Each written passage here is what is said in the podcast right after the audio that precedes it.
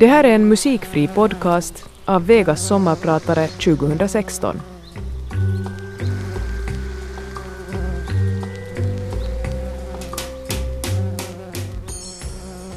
Då jag var barn drömde jag om jobbet som flygkapten. I min ungdom ville jag bli bilmekaniker. Så blev det inte. Istället blev jag ekonomimagister, minister, partiledare och från och med augusti ska jag börja jobba med biodiesel. Mitt namn är Karl Haglund och jag är din sommarpratare idag. Vi hörde låten Paradiset framförd av finlandssvenska Frida Andersson och den svenska artisten Bo Sundström, känd från Bo Kaspers Orkester. Originallåten är ju Rowley Badding Sommerjokis stora hit Paratisi. För tio år sedan gjorde Bo Kaspers den svenskspråkiga versionen av den här låten som Frida Andersson nu också var med och tolkade. Jag hade i tiden förmånen att vara med på plats då låten i sin svenska tappning fick sitt uruppförande på svenska ambassadens sommarfest här i Helsingfors. Så här på sommaren är det ju många av oss som drar sig tillbaka till sina sommarparadis för att koppla av, ladda batterier och njuta. Så även jag. Sommaren i Ingå och Vassa skärgård är den bästa tiden på året. Ingå har varit min sommarkommun ända sedan jag var barn. Numera tillbringar vi dessutom en del av semestern på min frus barndomsställe i Sundom skärgård i Vasa. Förra sommaren hade jag för första gången på länge möjligheten att hålla en ordentlig semester. Det blev många vackra dagar i sommarparadisen. Under semestern hade jag också tillfälle att fundera på framtiden. Det har man ju inte alltid då man går på i jobbets ekorrhjul med högt tempo. Jag har funderat på vad jag gjort i livet så här långt och vad jag ville göra framledes. Jag hann tänka tillbaka på tiden då jag under gymnasiet engagerade mig i politiken och allt som hänt under de 20 åren jag varit med. Det är ju faktiskt så att rätt många saker i livet kan bero på slumpen. Mitt samhällsengagemang började i gymnasiet i Esbo, men kanske inte som man skulle tro. Det var nämligen så att skolbyggnaden var i behov av renovering. Det snöade och regnade in det var som värst och beslutsfattande med att få en ny renoverad skola gick långsamt. Skolan var dessutom på tok för liten och en del av oss studerande var tvungna att studera i det gamla köpcentrets övre våning då vi inte fick plats i själva skolhuset. Vi studerande i elevkåren jobbade hårt för att stadens beslutsfattare skulle inse att skolan behövde renoveras och byggas ut. Vi samlade namn, vi gav intervjuer till radion och vi besökte fullmäktigegrupperna och berättade om vår oro för skolan. Till slut lyckades vi. Insikten om att man faktiskt kan påverka är någonting som var otroligt inspirerande. På den vägen har jag varit nu i några decennier. Det blev ungdoms och studentpolitik, kommunalt engagemang i stadsstyrelse och fullmäktige, senare jobb för regeringen, Europaparlamentet och så småningom partiledarskap och jobb som minister och riksdagsledamot. Minnena från 90-talet och den energin vi unga samhällsengagerade hade på den tiden kan ännu få mig att le. Vi startade ungdomsfullmäktige, vi åkte omkring och kvistrade affischer med Elisabeth Rehn som skulle bli president. Och vi reste omkring i Europa och stödde de proeuropeiska ungdomsrörelserna i det forna Östeuropa som ville bli en del av den europeiska gemenskapen. Det var fina tider. Jag tror vi ska höra en låt från just de tiderna.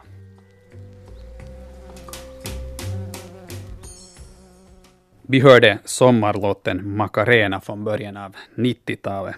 Låten blev en stor hit här i Norden sommaren 1996 och kom att bli något av en sommarplåga. Och alla vi som var unga och partyglada på den tiden så lärde ju oss rörelserna till den här sången. Jag tror att jag ännu har dansrörelserna någonstans i ryggmärgen. Av någon anledning så vill det ju bli så att varje sommar ska ha sin egen sommarplåga inom citationstecken. Ni vet den där sommarhitten som man ska höra tills man är utled. Men när de får vila så här på hyllan i några år så kan de sen igen kännas riktigt, riktigt bra. Få se vilken som blir den här sommarens sommarplåga. Förra sommaren blev alltså sommaren då jag hade tid att reflektera över åren som gått och vad framtiden kunde föra med sig. Som partiordförande för Svenska folkpartiet funderar jag också mycket på partiets framtid. Vad är bäst för Svenska Folkpartiet? Och vad ska partiet vara i framtiden? SFP landade som känt i opposition efter valet för ett drygt år sedan efter 36 år i regering. Slutresultatet efter mitt funderande förra sommaren var att jag började luta mot att det skulle bli mitt sista år som ordförande för partiet. Det här mognade så småningom till ett beslut som jag tillkännagav nu i mars och i juni gav jag som känt över stafettpinnen åt Anna-Maja Henriksson. Mitt beslut att lämna partiledarskapet och riksdagen har av förståeliga skäl väckt en del frågor och diskussion. Varför vill en politiker som är under 40 år lämna en ledande post frivilligt? Jag har en god vän som skämtsamt brukar säga att man ska sluta så länge någon ännu frågar varför. Det ligger nog något i det talesättet. Allt för många inom politiken har under åren krampaktigt hållit sig fast vid makten. I det här hänseendet gjorde jag väl åtminstone det motsatta, då nästan alla ännu frågar sig varför. Svaret på frågan varför har jag redan beskrivit i några avskedsintervjuer i våras i den tryckta tidningspressen, men jag ska ändå återkomma till frågan efter att vi hört sommarlåten Solkräm med pappas eget band. Jag har för min del skäl att lyssna på den här låten eftersom jag alltför ofta slarvar med just solkrämen, vilket man ju inte ska göra. Jag lovar återkomma till beslutet att lämna politiken. Ett svårt beslut eftersom jag i så gott som alla hänseenden trivdes med uppdraget som partiledare. Beslutet att sluta var dock inte något infall utan ett resultat av grundligt grubblande som började så tidigt som hösten 2014.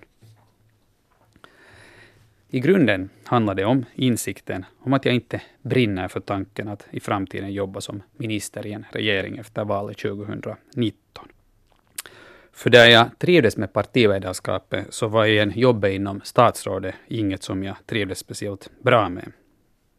Tyvärr är realiteten den att det finländska politiska systemet inte har klarat av att leverera nödvändiga resultat sedan den ekonomiska nedgången fick sin början år 2009.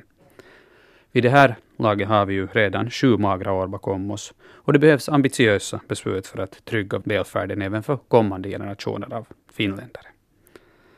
Under förra valperioden var avsikterna goda, men till slut handlade det mesta om politiska gräl och resultaten lyste med sin frånvaro. För egen del var det frustrerande att inse att de politiska partierna inte klarade av att sätta det gemensamma bästa framom allt annat. Och framförallt var det frustrerande att inse att man inte kunde lita på att överenskommelser som gjorts håller. Av de många reformerna som man hade för avsikt att genomföra förra perioden så blev tyvärr lejonparten ogjorda. Ett positivt undantag i sammanhanget blev försvarsförvaltningen som jag själv hade förmånen att jobba med. Här genomförde man samvetsgrant de överenskomna reformerna i tid och man uppnådde också de sparmål som vi hade fått oss tilldelade. Kontrasten till det gemensamma statsrådsarbetet var tidvis slående. Erfarenheterna av allt detta var den främsta orsaken till att jag valde att ge över partiledarskapet denna sommar. Tanken om arbete i statsrådet lockar helt enkelt inte och samtidigt var det kristallklart för mig att Svenska Folkpartiet måste ha som ambition att vara tillbaka i regeringen efter nästa val.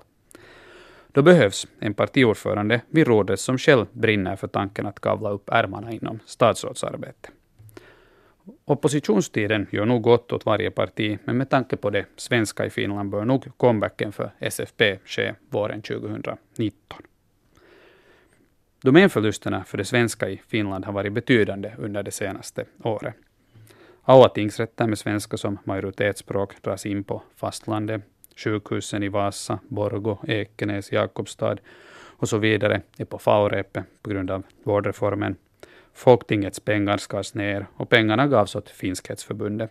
Sjöbevakningen naggas vid kanterna.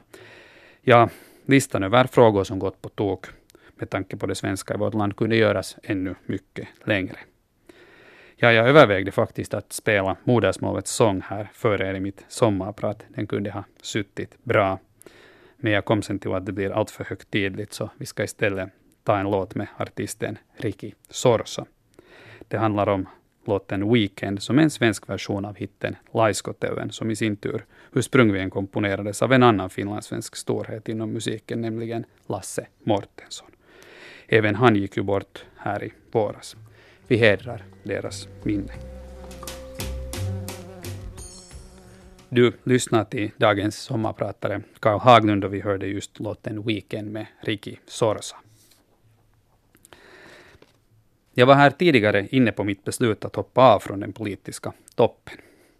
Den andra betydande orsaken till min sorti är mina barn. De viktigaste personerna i mitt liv. Den viktigaste titeln jag någonsin haft är. Under hela barnens uppväxt har deras far varit upptagen så gott som dygnet runt och deras far har haft kroniskt dåligt samvete över frånvaron i vardagen. Partiledarskapet är otroligt givande, men ett framgångsrikt utförande kräver en ständig närvaro på fältet med våra fina partiaktiva. Det här handlar framför allt om helger och kvällar. Och det är också här som partiarbete på många sätt skiljer sig från andra krävande jobb. Det är så att partiaktivitet av förståeliga skäl ska ske just på kvällar och veckoslut, eftersom en stor del av de som deltar har andra jobb vid sidan av politiken. Och då det blir val så blir det om möjligt ännu mera tid ute på fältet med nyckelpigebroschyrerna i högsta hugg. Jag har alltid gillat fältarbete oerhört mycket. Valkampanjerna, de sociala kontakterna, människomötena. Jag har alltid tyckt om att träffa nya människor och jag har alltid jobbat mycket och trivts med det. Men jag är skapt med två växlar, gas och neutralläge. Det finns ingen halvgas. De närmaste åren blir det alltså fem val på tre år. Som partiledare skulle det betyda ständig frånvaro, framförallt på kvällar och veckoslut. Och uppdraget som pappa till en fyra och en sexåring är ändå det allra viktigaste. I mitt nya jobb blir det nog också mycket arbete, men inte kvällar och veckoslut.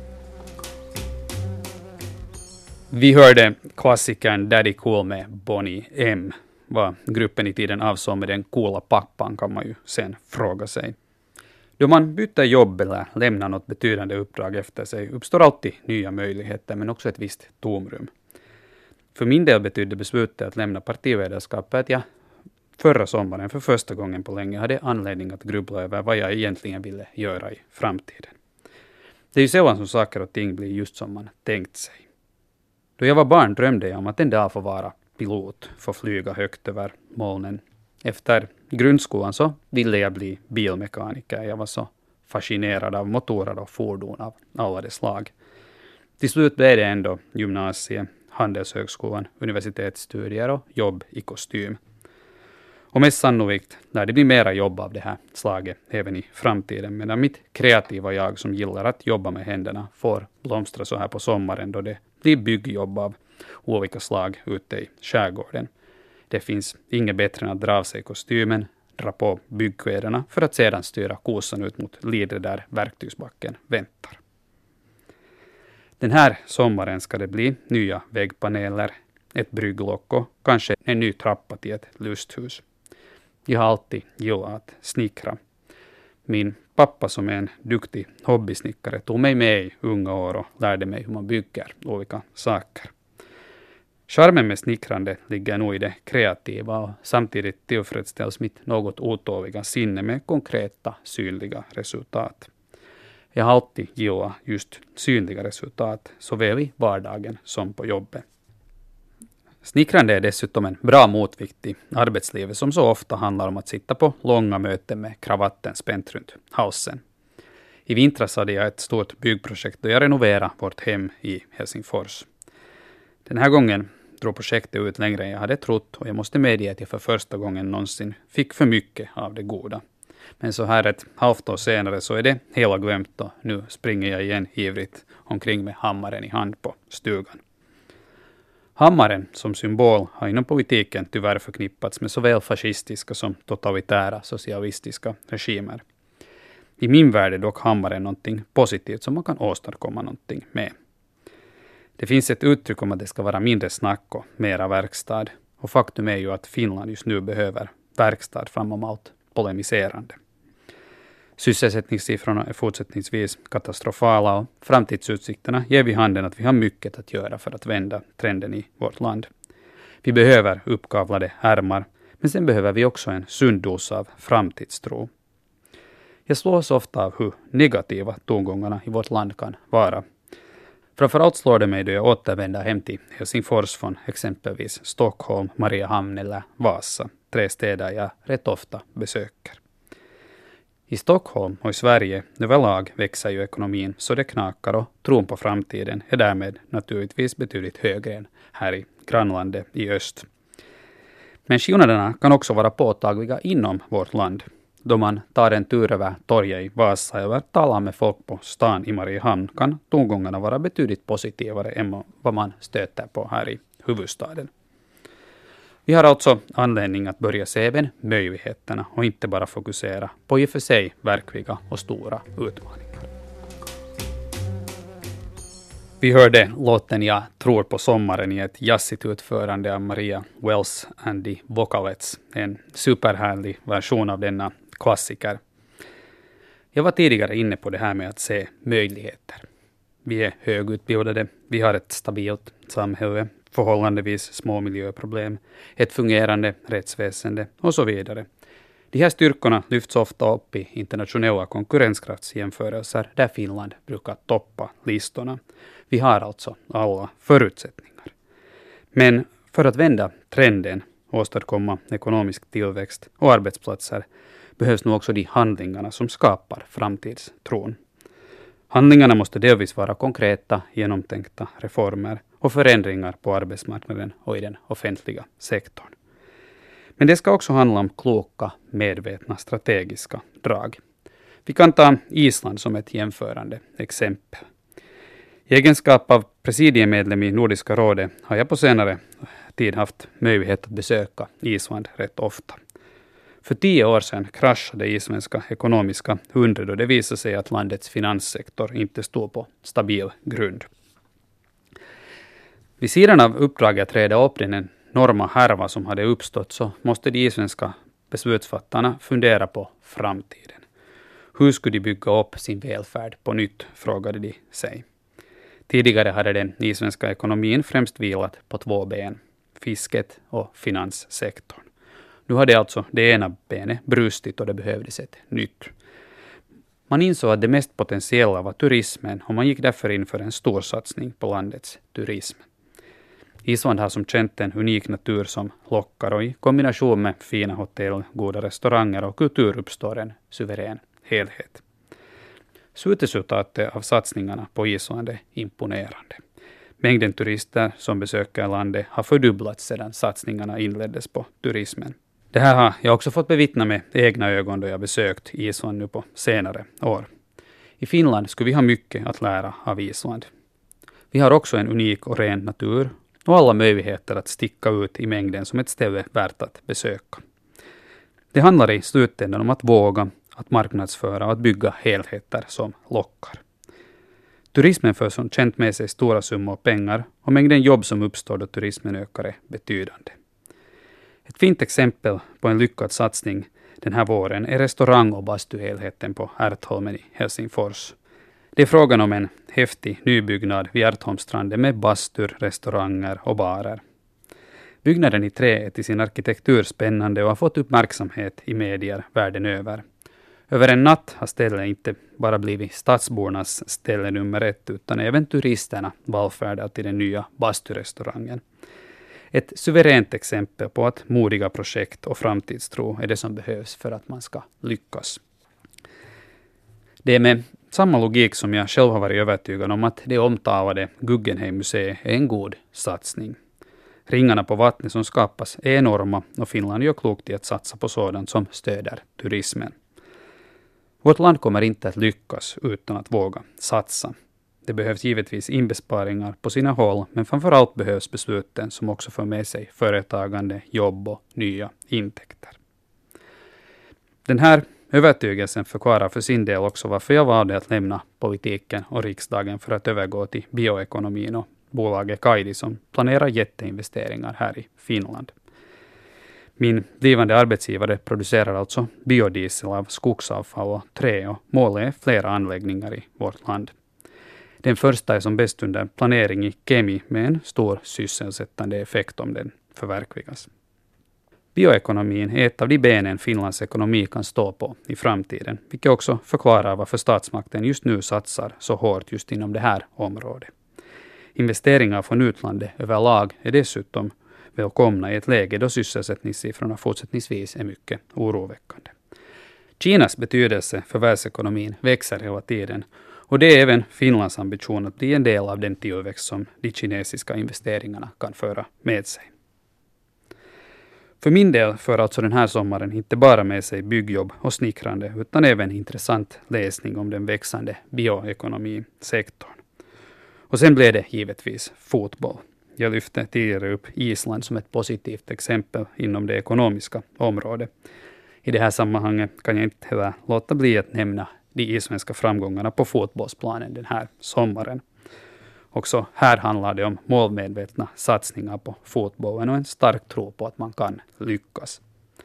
Nu ska vi höra en klassisk fotbollslåt. Det blir När vi gräver guld i USA med Glenmark Eriksson och Strömstedt från 1994. Låten gjordes som en fivishöjare inför fotbolls-VM, som till slut blev en framgång för Sverige då man kom hem med bronsmedaljerna runt halsen.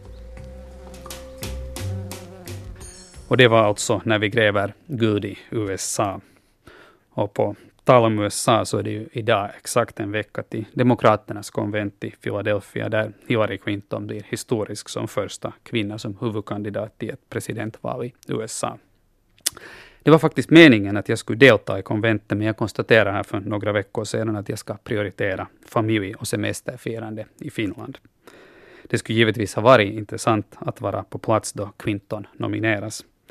Presidentvalet i USA blir garanterat det stora snackisen världen över nu i höst då Clinton tävlar med Donald Trump om kanske världens mest inflytelserika jobb. Utfallet i valet är på inget sätt givet. Clinton framstår som favorit i detta skede, men vi ska inte räkna ut Donald Trump. Han ansågs ännu för ett år sedan eh, vara ovalbar som Republikanernas presidentkandidat, men till slut så tog han en övertygande seger i det republikanska primärvalet. På samma sätt kan han överraska mot Clinton. Man ska inte underskatta kritiska underströmningar som kan leda till oväntade resultat.